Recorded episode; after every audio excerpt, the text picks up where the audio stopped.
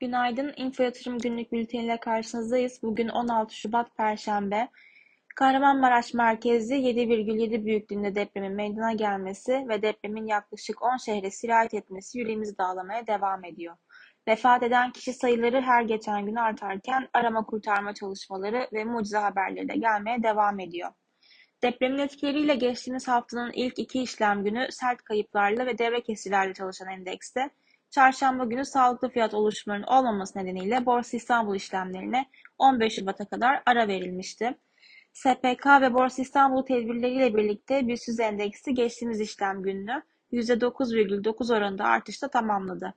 Borsa İstanbul tarafından uygulanan paylar üzerindeki tedbirlerin kaldırılması, öz kaynak oranının %20'ye indirilmesi ve geri alım programlarına ilişkin stopajın sıfırlanması haberlerinin endekse katalist etki yarattığını düşünüyoruz.